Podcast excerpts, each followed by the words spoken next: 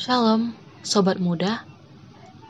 Kembali lagi kita bertemu di Sate Urat, saat teduh pemuda Batra Hayat. Saya harap kita semua sudah dalam keadaan yang siap untuk bisa merenungkan bersama-sama isi Sate Urat hari ini. Sebelum itu, saya mau mengajak teman-teman semua untuk kita bersatu di dalam doa. Bapak yang baik, sungguh kami mengucap syukur kepadamu Tuhan atas segala berkat yang masih dapat kami terima pada hari ini di mana Tuhan masih memberikan kami nafas kehidupan, Tuhan masih memberikan kami kesehatan, lebih lagi Tuhan masih memberikan kami waktu untuk bisa sebentar merenungkan isi sate urat hari ini. Tuhan kiranya boleh menurunkan roh kudusmu atas kami, agar kami dimampukan untuk bisa mengerti, memahami, bahkan menjalankan isi renungan sate urat hari ini dalam kehidupan kami sehari-hari. Terima kasih ya Tuhan. Amin. Judul sate urat kita hari ini adalah Suatu Kepatutan yang diambil dari kisah para rasul 23 ayat 23 sampai 30. Kemudian kepala pasukan memanggil dua perwira dan berkata, Siapkan 200 orang prajurit untuk berangkat ke Kaisarea beserta 70 orang berkuda dan 200 orang bersenjata lembing, kira-kira pada jam 9 malam ini Sediakan juga beberapa keledai tunggang untuk Paulus dan bawalah dia dengan selamat kepada wali negeri Felix. Dan ia menulis surat yang isinya sebagai berikut. Salam dari Claudius Lysias, kepala wali negeri Felix yang mulia.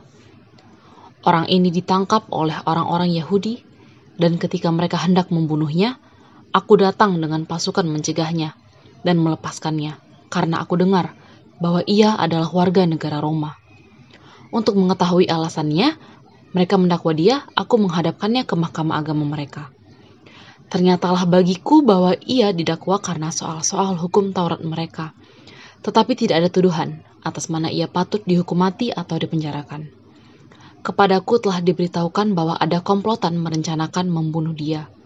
Karena itu aku segera menyuruh membawa dia kepadamu, sedang kepada para pendakwa telah kuberitahukan bahwa mereka harus mengajukan perkara itu kepadamu.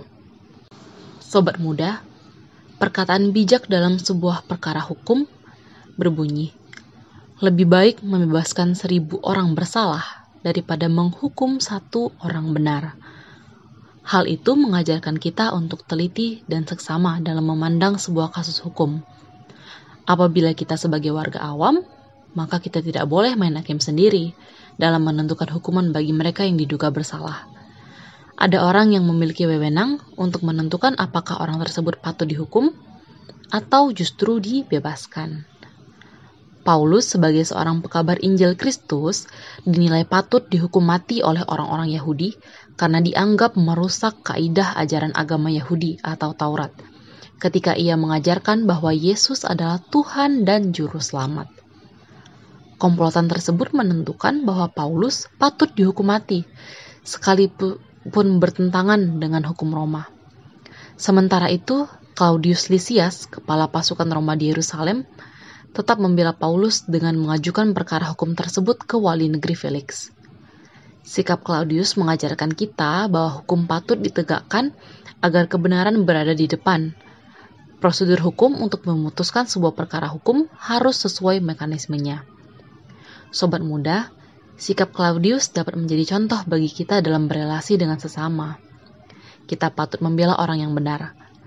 Lebih baik kita mengampuni orang yang menzolimi kita daripada berlaku nyinyir atau mendendam kepada mereka. Bukankah hukuman salib yang diterima Tuhan Yesus sangat tidak setimpal dengan apa yang diperbuatnya? Namun apa yang kemudian Yesus pesankan buat kita di balik hukuman tersebut? Ia berpesan supaya kita memilih bersikap baik terhadap mereka yang membenci kita, yaitu mengampuni dan mengasihi. Kita patut melakukan hal-hal baik itu karena kita tahu bahwa Yesus telah melakukannya terlebih dahulu bagi kita. Mari kita bersatu di dalam doa. Sungguh Tuhan, renungan yang sangat boleh membuka hati kami untuk bisa bersikap lebih baik lagi ke depannya bagaimana renungan ini boleh memberitahu kami untuk boleh saling mengampuni daripada kami mendendam atau nyinyir, untuk boleh mengikuti peraturan tetap pada membela yang benar daripada membela yang salah. Tuhan, kiranya apa yang boleh kami dengar bersama-sama dalam sate urat hari ini boleh membimbing hidup kami menjadi orang yang lebih baik lagi. Di mana kami dimampukan dengan jeli lagi untuk membedakan mana yang salah, mana yang buruk, mana yang patut dibela, mana yang perlu dibenarkan. Terima kasih banyak Bapak yang baik, kami mau menyerahkan seluruh sisa kehidupan kami ke dalam tangan pengasihanmu Bapak. Biarlah Tuhan kami boleh berjalan seturut dan sesuai dengan kehendakmu, dan mampukanlah kami untuk bisa melaksanakan karya Tuhan dalam kehidupan kami. Amin. Sekian sate urat hari ini teman-teman. Sampai jumpa di sate urat berikutnya. Tuhan Yesus memberkati.